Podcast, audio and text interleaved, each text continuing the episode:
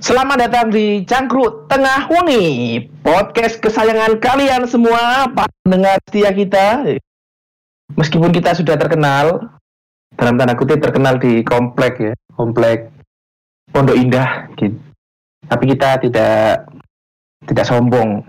Oke lah, di sini seperti biasa kalau ada konten podcast dari kita Cangkruk Tengah Wengi pasti akan membahas hal-hal yang seru kontroversial pasti. Oh ya, sebelum kita lanjut memperkenalkan siapa panelis-panelis kita, saya eh, klarifikasi dulu kenapa kita tidak upload minggu lalu. Ya karena kita eh, menghargai lah, menghargai teman-teman kita umat-umat Muslim eh, yang beragama Islam. Ini sedang merayakan hari raya Idul Fitri 1441 Hijriah. Dan bertepatan dengan cuti bersama, kami pun ikut cuti gitu. Kita menghargai dengan tidak uh, apa ya? Tidak merusak suasana Idul Fitri tersebut. Gitu. Oke. Pada kesempatan kali ini ada saya selaku apa ya, moderator, karburator, kabilator, otak kotor awas indie gitu. Saya yang selalu handsome di mana-mana. Yang selanjutnya ada teman saya, Jenderal Cabul. Ya, yeah, Bin Mesum, ya. Yeah. Oke, selanjutnya ada bukan siapa-siapa. Halo, saya di sini. Oke, itu semua teman-teman saya yang dari uh, tembok timur Berlin ya. Ini ada teman saya dari selatan Cina.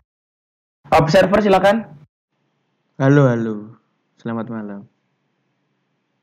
Ada yang spesial sih pada panelis kita malam hari ini. Ada pendatang baru. Ini tapi di podcast ini pendatang baru tapi ilmunya sudah uh, tembus langit lah. Ada teman saya sensor. Halo, siapa saya? Lah, itu sensor. Siapa sensor? Cari tahu sendiri. Oh ya, di konten kali ini elit komunis eh, sedang tidak bisa join dengan kita semua. Dia sedang menghadiri rapat dengan elit global. Kali ini membahas tentang kerusuhan yang ada di Amerika. Itu meresahkan warga dunia ya. Yang sampai ada kericuan-kericuan itu harus diselesaikan. Makanya kami selaku uh, segerombol elit di Indonesia mengirimkan elit komunis ke sana. Oke lah, kita tidak usah membahas kericuan yang ada di sana, biarkan terjadi, semoga berlalu. Kita berdoa saja di sini, semoga Indonesia aman dari situasi seperti itu. Oke, tema kita hari ini adalah membahas tentang Indonesia New Normal. Sebelum kita mendengarkan podcast kali ini, kita dengarkan dulu intronya. Oke sahabatku yang bukan boneka, sebelum mendengarkan podcast, alangkah baiknya kita mendengarkan intro yang sangat mulia ini. Rolling.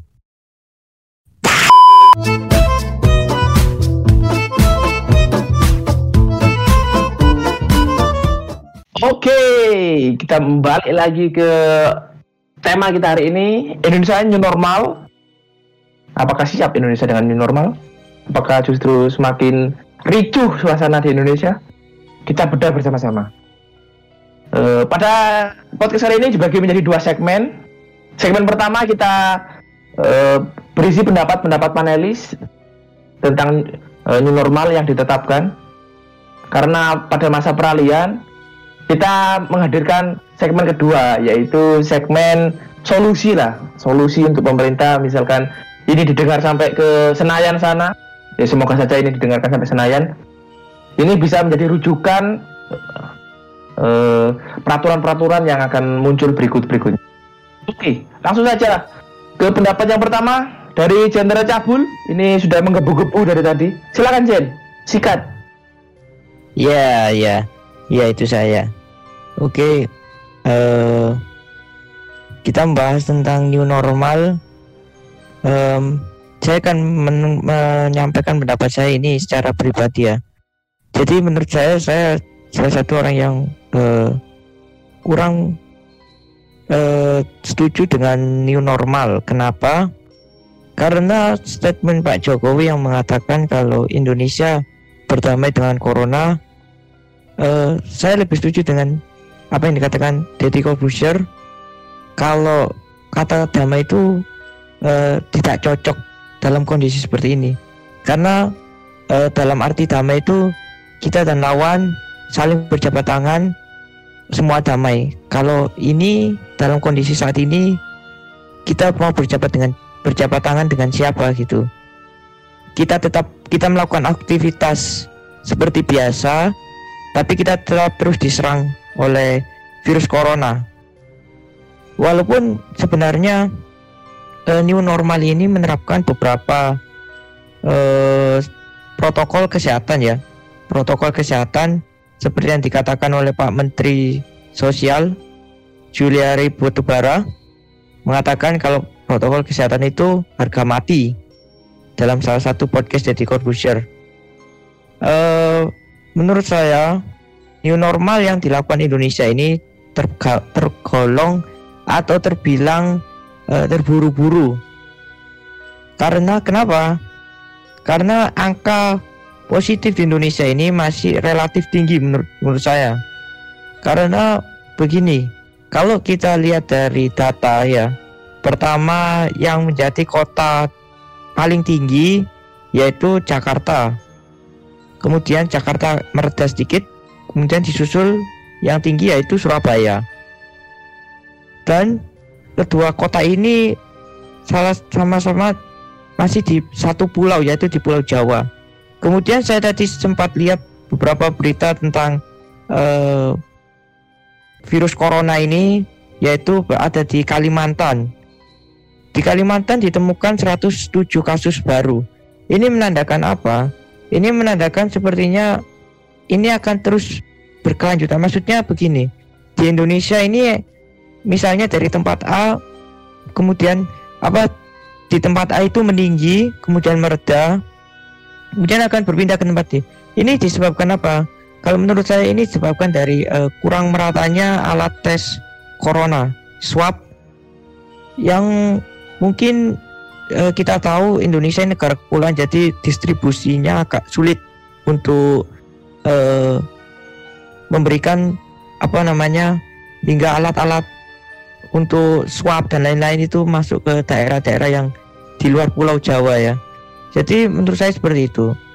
Eh, kemudian eh, pendapat pribadi saya yaitu kalau Indonesia terlalu terburu-buru, yaitu mungkin karena Indonesia melihat beberapa negara lain yang sudah mulai membuka secara perlahan, secara perlahan dari pertokoan, eh, tempat ibadah dan lain-lain.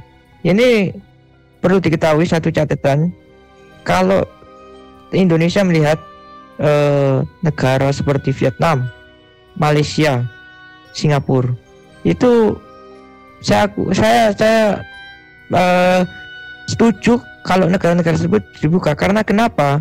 Karena mereka rakyatnya itu disiplin. Itu satu satu kunci ya.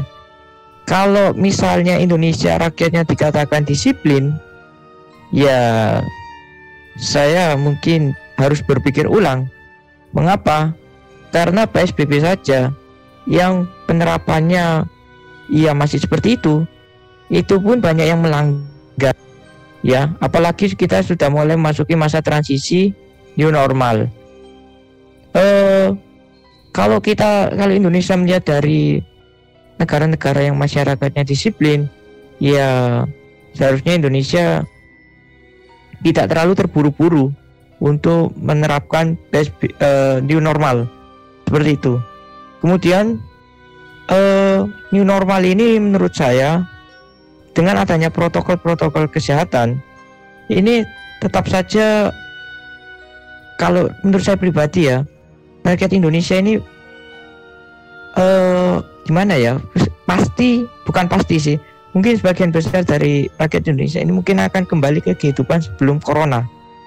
Saya karena ki- mungkin ada yang di beberapa bagian kota-kota besar mungkin memang menerapkan di apa menerapkan new normal tapi di bagian seperti di desa-desa ataupun di kabupaten mungkin yang agak tidak apa namanya yang mungkin belum mendapatkan edukasi tentang koro, eh, new normal ini. Jadi mereka mungkin menghadapi kehidupan eh, seperti biasa. Jadi mereka menganggap corona itu sudah hilang gitu. Dan hidup seperti sebelum corona gitu. Padahal memang corona tetap ada gitu. Tapi kita apa namanya melakukan protokol kesehatan. Eh, kemudian yang saya perlu tekankan eh, di masa transisi ini saya hanya khawatir saja karena Indonesia diisukan akan melewati gelombang kedua. Eh, kalau misalnya pembukaan wilayah kepada apa namanya wilayah-wilayah yang sudah hijau, saya merasa perlu dilakukan tes untuk leb- tes massal ya untuk meyakinkan bahwa tempat itu benar-benar sudah hijau. Gitu ya. Soalnya eh kebanyak kasus ditemui kalau misalnya ada orang yang ada wilayah tersebut hijau gitu. Waktu dites massal itu ternyata ditemukan ada yang OTG atau itu yang saya khawatirkan ya karena orang-orang yang OTG ini mungkin new normal kembali berinteraksi kembali apa itu itu walaupun dengan protokol kesehatan saya hanya takutnya saja itu tak men- menular gitu. Apalagi ketika sekolah masuk itu mungkin eh, akan berdampaknya lebih luas lagi. Eh, itu menurut saya. Eh, sekian cukup dari Jenderal Cabul bin Mesum yang pemikirannya kritis seperti itu. Jadi nggak ngeres aja silakan Pak Moderator Oke, saya ambil alih. Tadi pendapat dari jenderal ya, cukup menarik gitu. Tapi sekarang waktu saya berpendapat, karena negara ini adalah negara yang bebas berpendapat, walaupun banyaknya ditangkap. Ya, lanjut. Kalau saya sih tim yang setuju ya dengan new normal ini. Kenapa kok saya setuju? Ya, pasti Anda memikirkan bahwa saya adalah utusan dajjal atau utusan eh, utusan iblis dari neraka yang diturunkan ke bumi. Menyebarkan virus ini. Tidak tidak. Saya klarifikasi saya bukan utusan-utusan itu. Saya manusia biasa. Saya memiliki pemikiran-pemikiran. Wah bukan pemikiran apa ya? Eh, apa ya? Ya pemikiran gitulah. Yang membuat saya menyimpulkan bahwa new normal ini perlu. Mengapa saya eh, menyatakan bahwa new normal ini perlu? Karena tujuan pemerintah menghadirkan new normal atau normal yang baru itu adalah menggerakkan roda perekonomian di Indonesia. Jika tiga bulan yang lalu kita disibukkan dengan isu PSBB, PSBB, PSBB, PSBB, PSBB, PSBB, PSBB, yang di mana-mana sudah digencar-gencarkan, sudah dikeluarkan. Sekarang kita kembali, maksudnya kembali normal atau new normal itu digencarkan oleh pemerintah. Pemerintah di sini ingin me- mengembalikan perekonomian yang hancur atau yang dalam tanda merosot jauh dari yang disebabkan oleh virus corona pada awal bulan Maret. Nah, lah, ini saya setuju karena masyarakat Indonesia ini memang kurang disiplin ya. Lah kurang disiplin ini kita bisa lihat dari PSBB. Dari PSBB kita kita lihat bahwa masyarakat tetap melanggar. Di situ ada PSBB itu eh, tetap ada yang melanggar, tetap banyak yang mencari celah. Di sini ada polisi cari gang, di sana ada polisi cari gang lain. Seperti itu terus di kota-kota besar. Ya memang sifatnya masyarakat Indonesia yang tidak bisa diam di rumah. Makanya menurut saya new normal ini perlu karena mengapa kita mencegah orang yang tidak bisa di rumah? Oke, saya misalkan kalau kita berekonomi menengah ke atas itu mungkinlah kita di rumah. Coba bayangkan kalau kita posisi kita sekarang ada menengah ke bawah. Mereka tidak akan mungkin diam di rumah. Mereka pasti mencari pekerjaan. Mereka pasti harus keluar ke rumah, turun ke jalan, mencari nafkah, mencari makan. Kita tidak bisa menyalahkan mereka-mereka itu. Kalau kalau saudara-saudara yang mendengarkan podcast ini bilang, wah masyarakat Indonesia tidak disiplin, bukan tidak disiplin, mereka tidak bisa di rumah. Karena mereka harus sibuk mencari pekerjaan atau mencari nafkah, mencari yang lain-lain untuk mencukupi kehidupannya, untuk menyambung hidupnya, agar tidak mati karena kelaparan. Kalau misalkan ini uh, dibiarkan ya, ya tidak apa-apa sih kalau menurut saya. Kan ini pemerintah menerapkan new normal untuk memperbaiki perekonomian agar tidak terjadi penjarahan-penjarahan. Kalau misalkan kita terjadi penjarahan-penjarahan, memang kita tidak, memang kita terhindar dari bencana virus corona atau covid. Kematian dari covid itu rendah, tapi kematian atas penjarahan itu makin tinggi, makin pesat. Kita lihat flashback 9 tahun 98, Mei 98. Meskipun saya belum lahir, tapi saya membaca buku-buku, mendengarkan orang-orang yang bercerita tentang kejadian tersebut, saya mendengarkan saja lah. Itu sudah ngeri. Apa apalagi saya harus terjun langsung. Misalkan kita harus dikekang terus di dalam rumah, dikekang terus PSBB. Ya, seperti itu. Kemudian yang saya membuat saya setuju lagi itu ya ini pendapat goblok-goblokan ya, ya apa ya? Ya pendapat ya goblok-goblokan nih itu bisa saja ini covid seperti virus flu burung. Virus flu, flu burung kan nggak perlu ada vaksinnya. Mereka kan kebal atas herd immunity atas imunitas imunitas dari orang-orang orang-orang yang kuat imunitasnya. Bisa saja mereka-mereka yang tertular itu bisa sembuh dengan sendirinya. Toh ini bukan penyakit yang sekali infeksi langsung meninggal, sekali infeksi langsung meninggal. Kan ada prosesnya, ada perawatannya, ada apanya, ada apanya, ada kalau menurut saya sih new normal boleh, tapi dengan batasan kalau orang yang sakit diimbau untuk tidak bergaul atau dalam tanda kutip tidak terjun ke masyarakat atau ke apa ya? Ya ke masyarakat lah tidak tidak terjun agar uh, orang yang sakit ini tidak menularkan penyakitnya ke orang lain. Kemudian saya melihat dari aspek ekonomi ya. Menurut saya pemerintah memberikan alokasi dana ke BLT ya, BLT pada bantuan tunai bantuan langsung tunai senilai 600 ribu itu kurang tepat sasaran jika dikasihkan kepada masyarakat-masyarakat yang dalam tanda kutip ini ekonominya meneng menengah ke bawah. Karena seperti dalam prinsip ekonomi jika masyarakat menengah ke bawah ini diberikan uang maka mereka e, mampu membeli sesuatu. Jika dalam krisis seperti ini permintaan lebih tinggi daripada penawaran maka akan terjadi berinflasi atau e, kenaikan harga yang tidak normal. Itu yang saya takutkan. Jangan-jangan akibat kita di PSBB terus atau kita dikekang terus nanti tidak timbul masalah kesehatan tapi timbul masalah perekonomian. Itu tambah susah bagi negara untuk memperbaiki hal tersebut.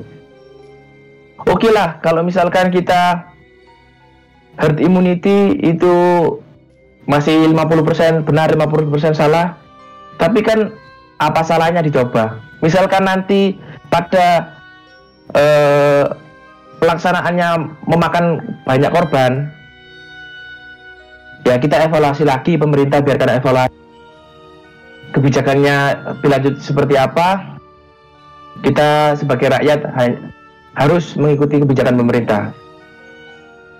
Kemudian ya seperti yang saya katakan tadi orang-orang yang terinfeksi ini tidak tidak apa ya tidak langsung mati.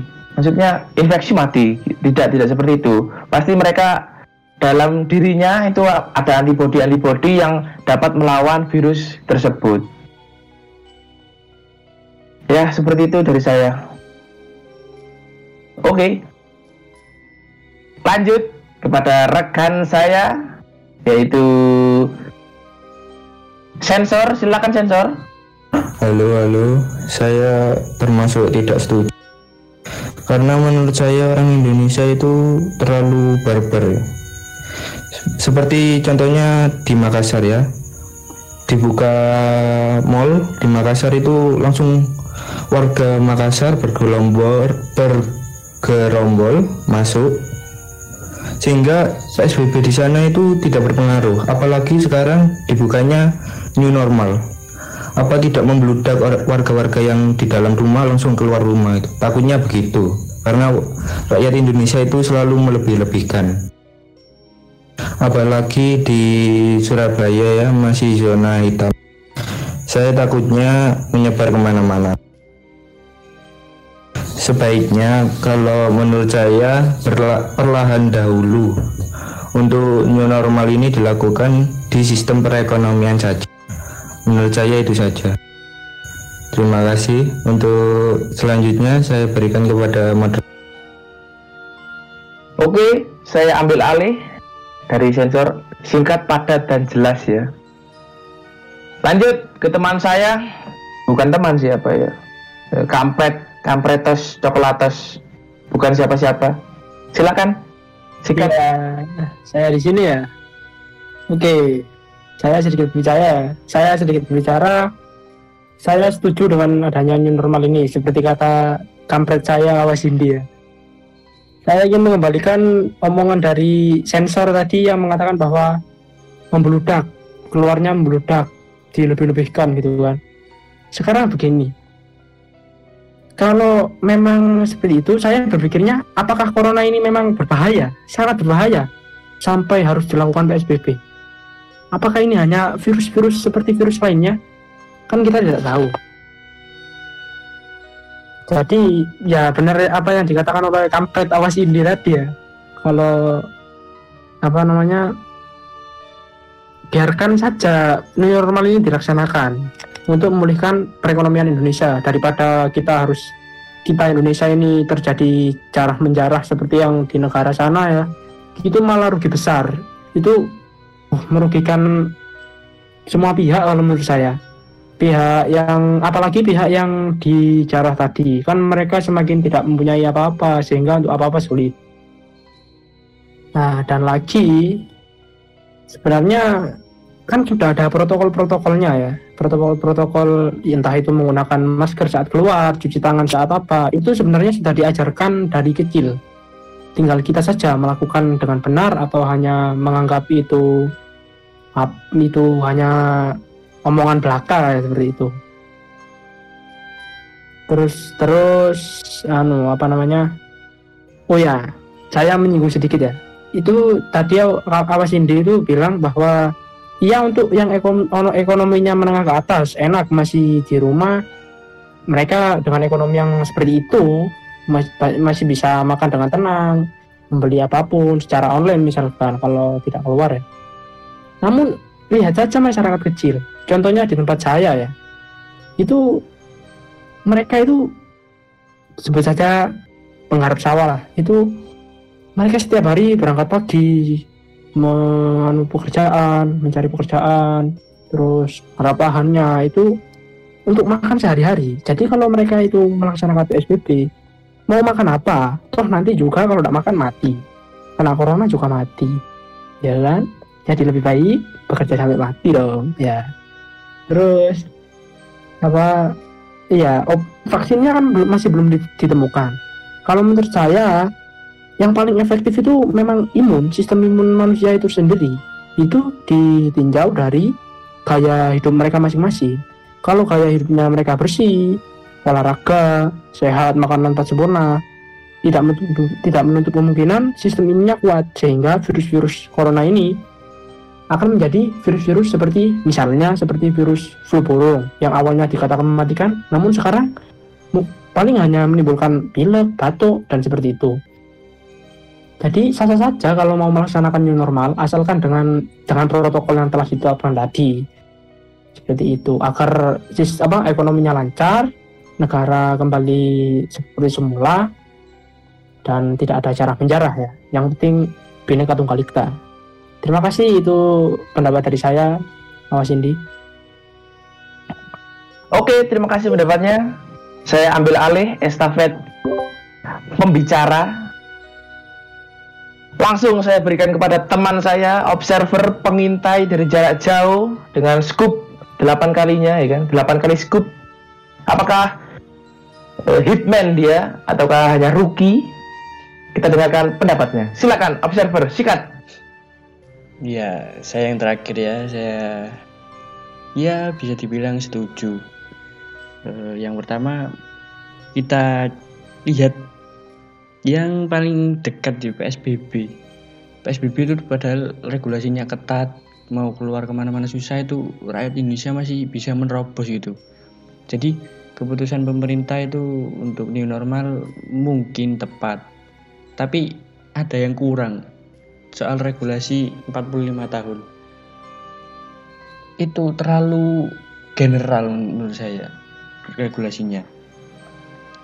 E, pemerintah bisa apa ya menerapkan regulasi baru eh, yang positif itu gimana terus yang imunnya kuat itu gimana kita umum umumkan kita bisa lalu new normal dapat berjalan ya mungkin dengan lancar sehingga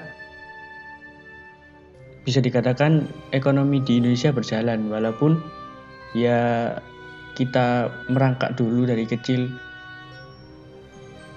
Ya itu saja dari saya. Oke, seperti saudara saya sensor, observer juga sensor, singkat padat jelas, tidak bertele-tele. Oke, langsung ke segmen berikutnya, yaitu tanggapan dulu sebelum kita masuk ke uh, pemberian solusi kepada pemerintah. Barangkali ini didengarkan. Langsung ke tanggapan apakah ada yang ingin menanggapi atau ditanyakan atau yang lainnya? Atau ada yang kurang ada yang nggak serak ada yang ya sembarang kader bang silakan. sebut namaku bang. Oh iya silakan. Jenderal Cabul bin Mesum ya uh, saya ingin menanggapi yang uh, tadi soal PSBB ya juga yang uh, sekaligus yang setuju dengan new normal uh, jadi gini ya uh, kalau misalnya kita bicara soal PSBB dulu, uh, perbedaan PSBB dan lockdown kan, uh, lockdown kita benar-benar nggak bisa keluar rumah, kalau PSBB dibatasi. Nah, itu yang pertama. Kemudian yang kita ketahui faktanya di lapangan kan, uh, new, eh, PSBB yang dilakukan saat ini itu pelanggaran cukup banyak. Saya mau berbagi cerita sedikit. Ada uh, teman saya uh, itu dia bekerja sebagai pengantar barang atau bisa dikatakan ya semacam jasa pengantar seperti itu. Jadi dia keliling keluar kota, belum corona, belum corona dia keliling keluar kota. Kemudian corona datang, diterapkan PSBB. Uh, di checkpoint checkpoint tertentu ditempatkan polisi-polisi di gerbang tol atau di perbatasan kota dan lain sebagainya. Tapi yang jadi pertanyaan, dia mengatakan kalau dia tetap bisa lewat. Paket tetap terkirim mulus, tidak ada pencegatan. Itu apa yang yang jadi pertanyaan itu kenapa kok bisa lulus? Jadi selama ini yang diberitakan itu bagaimana? Dia jawab, tidak ada, tidak ada kok. Cuma cuma di perbatasan itu cuma pos polisinya saja, polisinya tidak ada. Berarti bebas wirawiri. Seperti seperti apa namanya eh, hari-hari biasa. Hanya saja memakai masker dan cuci tangan. Kemudian tuh terus yang diberita-beritakan bagaimana? kata saya. Ya yang diberitakan itu saya kurang tahu ya. Mungkin itu karena mau direkam mau di syuting jadi polisinya langsung berjaga di sana. Itu kata dia. Dia mengatakan seperti itu. Jadi oh iya, iya. jadi sama saja iya sama saja gitu. Hanya saja menggunakan masker dan lain-lainnya cuma jaga jarak. Tapi kegiatan eh, apa wirawiri pemudik atau apalah saya katakan itu ya seperti biasa gitu. Orang-orang yang keluar kota masuk itu seperti biasa. Seperti yang yang dikatakan teman saya yang waktu mengantar barang dan ini tandanya apa? Ini mengatakan kalau misalnya uh, PSBB ini menurut saya pribadi ya itu tidak berjalan lancar. Mungkin sekitar 50% ya 60% 50% mungkin ada yang mengikuti aturan PSBB dengan dengan baik sesuai anjuran pemerintah. Dan lainnya uh, ya suka-suka mereka gitu. Soalnya apa? Uh, menurut saya PSBB dilakukan pada saat puasa. Puasa tradisi kita apa? Tradisi kita kalau mau puasa itu bisa ada yang mudik ada yang apa ya cari uang buat hari raya. Jadi ini momennya tidak tepat menurut saya karena melakukan PSBB pembatasan yang dilakukan menjelang hari raya apalagi menjelang hari raya ini wah ini benar-benar tabrakan sekali menurut saya. Karena kita tahu kalau tahun-tahun sebelumnya itu orang yang keluar kota masuk kota itu luar biasa hingga macet. Sekarang dibatasi. Iya kalau orang yang menerima dengan baik. Kita kan tahu kalau warga negara kita ya bisa dikatakan uh, ya tidak terlalu disiplin seperti itu. Jadi yang saya takutkan ya bahkan ada beberapa pemudi yang lolos dari apa namanya pengawasan. Saya kurang tahu itu diawasi apa enggak saya tidak tahu. Yang penting lolos gitu ya. Ja, apa namanya mungkin yang di shoot berita sebagian kecil dan sebagian besarnya lolos. Nah itu yang yang perlu dipertimbangkan lagi kalau misalnya pemerintah membuka new normal beberapa minggu atau bulan setelah uh, apa namanya uh, hari raya gitu. Jadi apa namanya ini menurut saya gelombang kedua ini bisa terjadi menurut saya ya. Jadi uh, new normal transisi ini kurang apa ya namanya ya. Uh, kita lebih maksimalkan PSBB-nya dulu menurut saya karena uh, pada new normal ini PSBB-nya saja belum berjalan lancar. Maksudnya tidak 100%, hanya setengahnya. Dan ini mau dilakukan new normal. Saya kira seperti itu saja. Nah, saya kira seperti itu saja. Saya kembalikan ke moderator itu pesan dari saya. Menarik, menarik. Saya ambil alih dari jenderal. Saya ingin apa ya menanggapi karena saya uh, orang yang setuju dengan new normal ini. Saya menanggapi yang pertama Uh, kita di sini tidak menyebutkan polisi penjaga perbatasan seluruhnya ya. Kita hanya menyebutkan oknum yang berarti itu tidak semuanya, berarti itu adalah segelintir kelompok yang melakukan seperti itu. Kita tidak menuduh semua polisi di perbatasan itu seperti apa yang dikatakan oleh jenderal. Pertama itu. Yang kedua, waktu masalah PSBB yang dilaksanakan di hari di bulan puasa dan menjelang hari ini pemerintah juga tidak bisa mengatur ya. Saya yakin pemerintah tidak siap dengan apa ya? Dengan kehadiran Covid ini tidak siap, dengan kehadiran pandemi ini tidak siap. Jadi PSBB ini tidak bisa direncanakan mau ditaruh di bulan apa, mau ditaruh di jam berapa itu tidak bisa direncanakan. Mereka harus spontan mikir hari itu untuk masa depan, untuk hari-hari esok agar tidak terjadi lagi korban-korban dari COVID-19. Yang pertama itu, yang kedua itu, yang ketiga eh, membahas eh, menjawab tentang yang dikatakan eh, apa keluar keluar masuk mudik macet. Itu memang sudah menjadi budaya erat di kehidupan eh, bahas, di kehidupan bangsa Indonesia, kehidupan rakyat rakyatnya itu sangat erat dengan dengan alur mudik, alur mudik dan arus balik.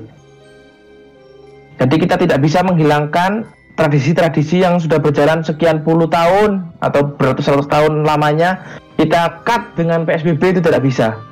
Itu memang harus dengan apa ya perlakuan yang perlahan-lahan.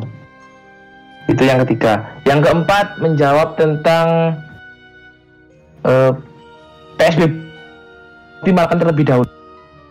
Kalau misalkan PSBB ini diterap dioptimalkan terlebih dahulu, sa- sampai kapan PSBB ini ber- diberlakukan? PSBB diberlakukan misalkan sampai Januari. Itu kita masih bisa apa ya? membayangkan, oh Januari bisa selesai PSBB baru kita hidup normal.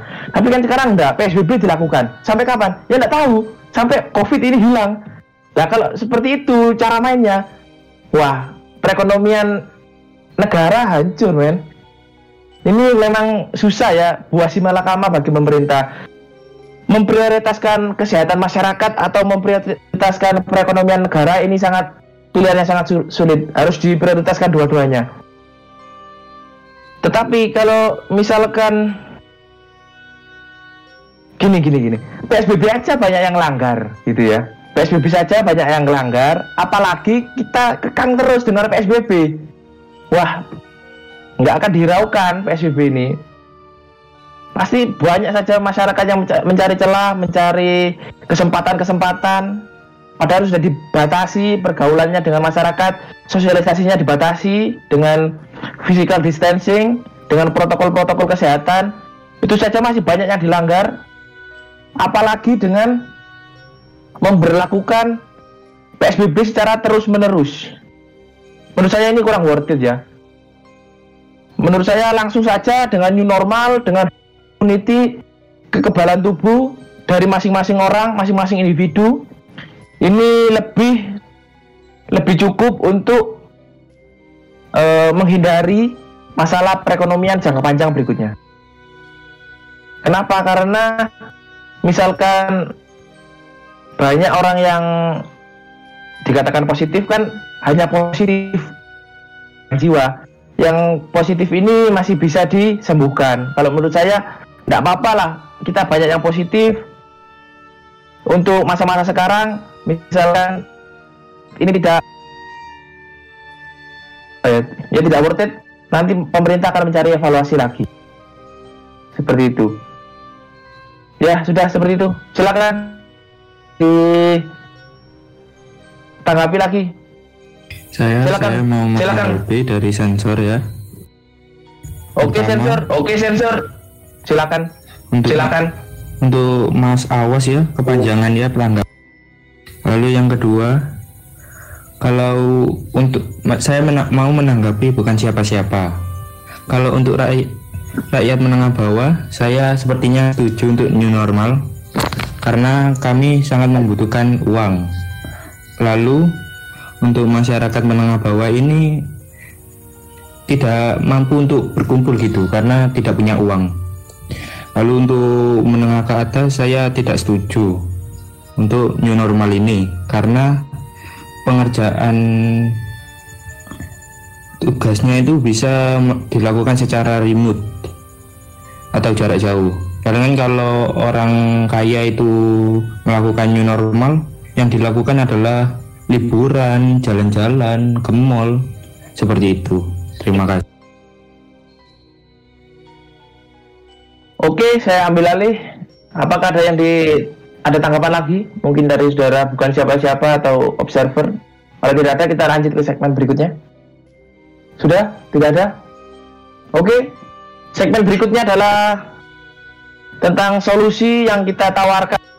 Kita semoga ini didengar pemerintah, didengar pendengar-pendengar kita. Kalau pendengar-pendengar setia kita mendengarkan ini, tolonglah sebarkan teman-teman, ke saudara-saudara, ke siapa pun agar eh, podcast ini viral, kemudian pesan-pesan yang baik dapat diambil dan kita selalu mengucapkan terima kasih kepada pendengar setia kita.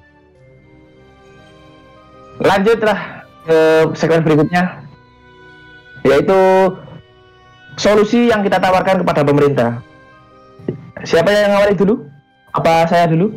Atau ada yang sudah menggebu-gebu ingin menyampaikan solusinya? Ya silakan Jenderal bin Mesum Al Cabul. Sikat. Eh, solusi yang saya berikan, solusi masukan bagi rakyat yang eh, belum belum sempurna, ya jadi A, Bu, anggota dewan ataupun eh, saya tidak menyebut anu ya, nanti minta tolong disensor. Eh, saya mau menyampaikan beberapa solusi yang mungkin bisa bisa dipertimbangkan. Yang pertama, mungkin dengan new normal yang mau dilakukan dalam waktu dekat ini di- eh, terlalu cepat. Jadi kita harus memberikan jatah waktu karena kita tahu waktu PSBB pada saat eh, puasa kemarin itu banyak yang melanggar kan. Jadi ada yang lolos itu menurut saya begini. Jadi kita apa namanya tidak terlalu terburu-buru dengan new normal ini gitu. Jadi kita eh me- apa ya namanya mengetes masalah lagi, kemudian memperketat peraturan peraturan PSBB. Jadi ditingkatkan atau diperketat lagi karena kita tahu peraturannya saat ini sudah tidak ada yang reken kan, tidak, tidak ada yang peduli. Maksudnya eh, tingkat kesadaran kemudian masyarakat kepada pemerintah itu tidak tidak sebanyak yang diharapkan. Kemudian eh, apa namanya? Yang kedua yaitu apa namanya seperti yang tadi saya katakan. Jadi kita beri ja- jangka waktu mungkin sekitar dua bulan. Jadi selama waktu yang ditentukan, misalnya misal ya dua bulan, PSBB diperpanjang selama dua bulan. Dan itu kita fokuskan eh, merata gitu. Jadi kan kalau kita lihat sebelumnya PSBB yang dilakukan sebelumnya kan hanya daerah yang daerah yang sudah merah boleh lakukan PSBB, daerah yang belum tidak lakukan PSBB. Sementara yang saat melakukan PSBB di waktu dalam apa namanya situasinya kan nggak nggak pas gitu, mau Lebaran gitu. Jadi orang orang yang yang seperti saya tadi katakan lolos ya itu kan pasti berpindah tempat ke satu tempat ke yang lain itu kan nggak hanya tempat yang di apa namanya di PSBB saja kan pasti ada yang ke tidak ke tempat yang ke hijau ke green zone ada yang ke tempat dari yang green zone ke tempat yang di PSBB itu menurut saya apa namanya ya pelin-pelanan dalam mengatur PSBB menurut saya menurut saya loh ya jadi eh, tidak merata seperti itu. Eh, saran saya sih misal ya misal dalam dua bulan diperpanjang PSBB-nya itu dalam waktu itu dimaksimalkan. Oh jangan dua bulan terlalu lama satu bulan saja. Dimaksimalkan seluruh Indonesia di PSBB jadi kita kita apa namanya apa eh, jangan terlalu apa tidak memikirkan perekonomian dulu. Kita fokuskan kesehatan eh, masyarakat dulu. Karena yang paling utama adalah kesehatan. Jika kesehatannya ambruk maka yang lain juga akan ikut ambruk. Seperti itu. Jadi kalau misalnya di, di semua seluruh Indonesia di PSBB dan diperketat aturannya tidak mempedulikan ada yang green zone atau ada yang merah tidak peduli di apa dibatasi bukan di lockdown ya dibatasi di PSBB dan prosedur protokol kesehatan benar-benar dilakukan dan itu diawasi oleh petugas oknum dan lain-lainnya itu mungkin itu bisa menekan lebih baik daripada sekarang daripada masa transisi yang seperti ini. Dan kemudian yang terakhir eh, solusi dari saya ini kepada teman-teman saudara masyarakat. Saya mohon kesadaran kalian untuk menjaga eh, kesehatan dan juga mengikuti anjuran pemerintah. Kalau semua pemer- pemerintah yang melakukan apa namanya tapi kalian tidak memiliki kesadaran untuk mengikuti peraturan ya sama saja. Jadi eh, apa namanya pemerintah yang pusing buat aturan sana kita yang melakukan gitu. Kalau kita tidak melakukan kita hanya mengkritik ya ya bahasa Jawanya sih Pak Pok gitu ya sama saja gitu. Ya sekian dari saya. Eh, terima kasih. Saya ambil alih dari jenderal yang berbicara, sekarang saya yang berbicara. Ada observer dulu. Silakan observer. Ya, mungkin dari saya ada beberapa solusi yang mungkin bisa dilakukan oleh pemerintah. Yang pertama, eh, kita berbicara tentang prioritas, kita prioritaskan dulu ke ekonomi dengan perbandingan ya 6 banding 4. Mengapa? Karena begini, Indonesia kan ekonominya lagi berkembang. Terus ada krisis kesehatan, ekonomi anjlok, sedang berkembang, tambah hancur. Nah, lebih baik kita me, me, menaikkan ekonomi, ekonomi kita jalan, ekonomi kita bisa kembali ke titik normal atau bahkan bisa naik dari sebelum-sebelumnya, maka kesehatan ini meningkat gitu. Kita perbaiki sarana kesehatan. Juga kita tidak cuek gitu. Pemerintah tidak boleh cuek, memberi regulasi lalu meminta kesadaran. Bagaimana? Ya kesadaran bisa kita lihat jumlah korban positif itu banyak. Jadi masa sebagai warga ya harus sadar dong mengapa bebal. Lalu berikutnya bagaimana dengan memperbaiki ekonomi? Menurut saya di BLT itu, BLT kan misal 600 ribu itu kadang-kadang kan pemerintah Indonesia ada salah. Itu ke salah sasaran. Juga nanti dananya itu tidak digunakan untuk apa ya, membeli sembako untuk lain-lainnya. Daripada dibuat BLT kita diberi ke UMKM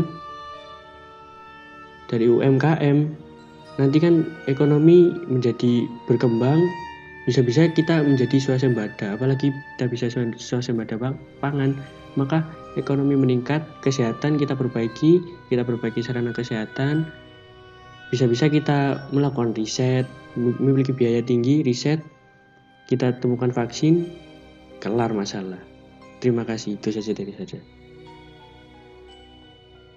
Oke, saya ambil alih lagi dari observer. Langsung ke teman saya, sekarang teman ya. Bukan siapa-siapa, silakan. Oke, sekarang kamu teman saya juga.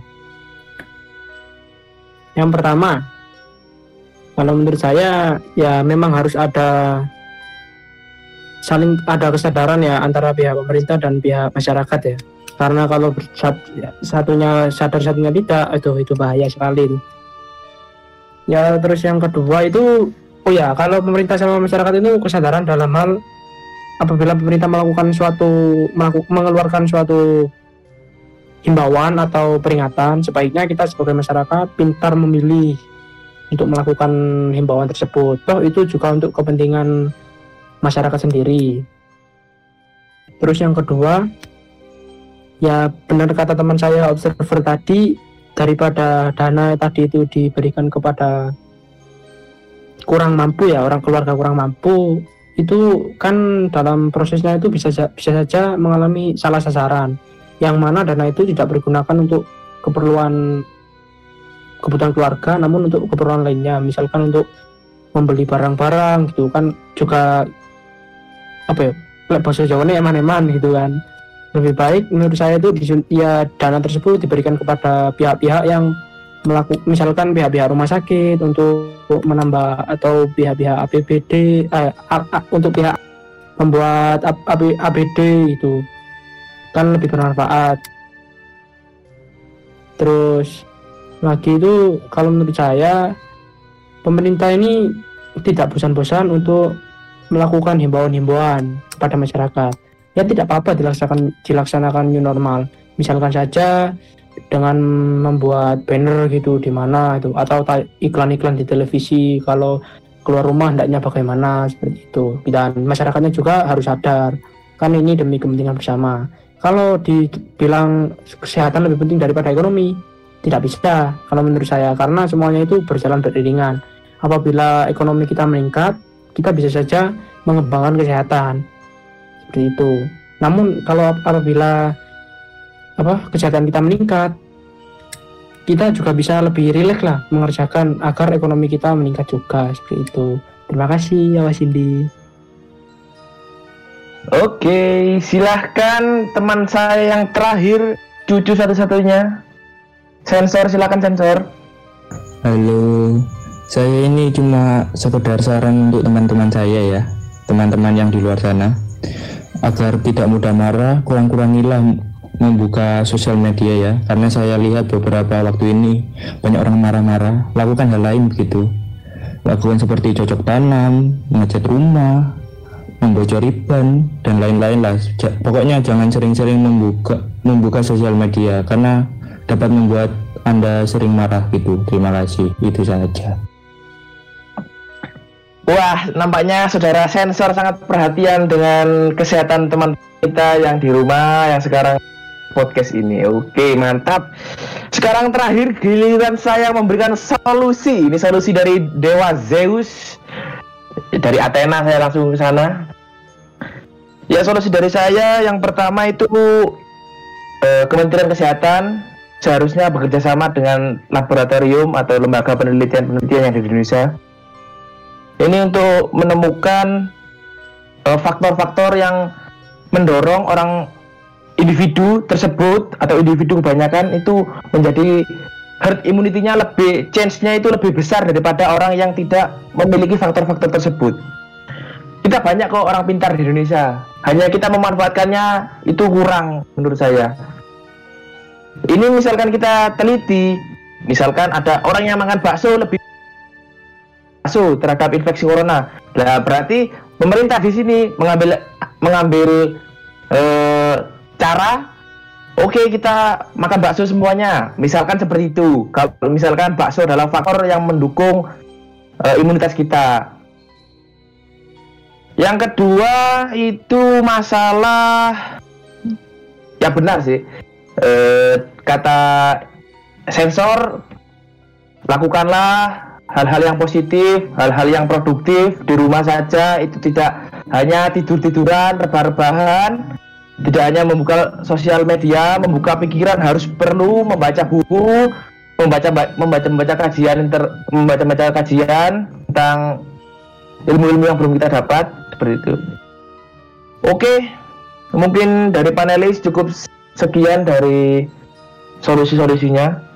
Oh iya, saya ada eh, mengutip salah satu eh, pernyataan dari Effendi seorang ahli komunikasi politik dia pernah beliau pernah eh, memberikan pernyataan bahwa kritik yang baik itu susah susah ditemukan apalagi solusinya seharusnya kita sebagai masyarakat dituntut untuk mem- eh, membuat kritik yang baik sedangkan pemerintah di sana memikirkan solusinya dengan fasilitas yang tersedia seperti itu. Oke lah kita sudah di penghujung acara. Untuk teman-teman kita yang di rumah lakukan kegiatan-kegiatan positif untuk saudara-saudara kita yang eh, sudah terkena kok eh, korban korban dari musibah pandemik ini kami atas nama podcast Cangkruk Tengah Wengi turut berduka cita. Semoga badai ini berlalu. Semoga kita semakin jaya ke depannya. Oke lah. Patuhi himbauan pemerintah. Jangan makar senaknya sendiri. Sekian dari saya saya Awas Indi pamit undur diri bukan bunuh diri see you on next episode Goodbye.